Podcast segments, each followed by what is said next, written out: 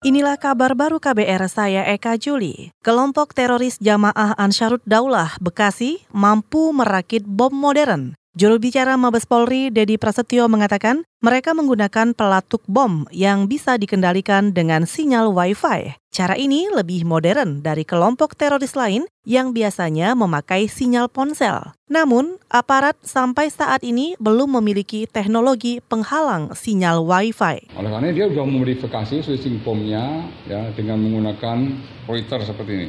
Nah, ini salah satu switching bom ini nanti akan dijelaskan oleh tim ahli bom ya dari Densus 88 Densus 88 ini poster dia sudah menggunakan wifi. Ya kalau wifi tentunya sampai saat ini belum ada jammer yang bisa menghalangi wifi. Apalagi dia pakai poster ini, jadi dia bisa radiusnya 200, dengan menggunakan Reuters seperti ini dia bisa radiusnya menjadi 500. Itu tadi juru bicara Mabes Polri, Dedi Prasetyo. Rabu kemarin, Densus 88 Anti Teror menangkap dua terduga teroris berinisial EY dan YM. Menurut polisi, EY merupakan pemimpin jamaah Ansarut Daulah Bekasi, sedangkan YM adalah hasil rekrutan EY. Kelompok teroris Bekasi disebut menargetkan kerumunan massa pasca pemilu, terutama pada momen pengumuman pemenang pemilu 22 Mei mendatang.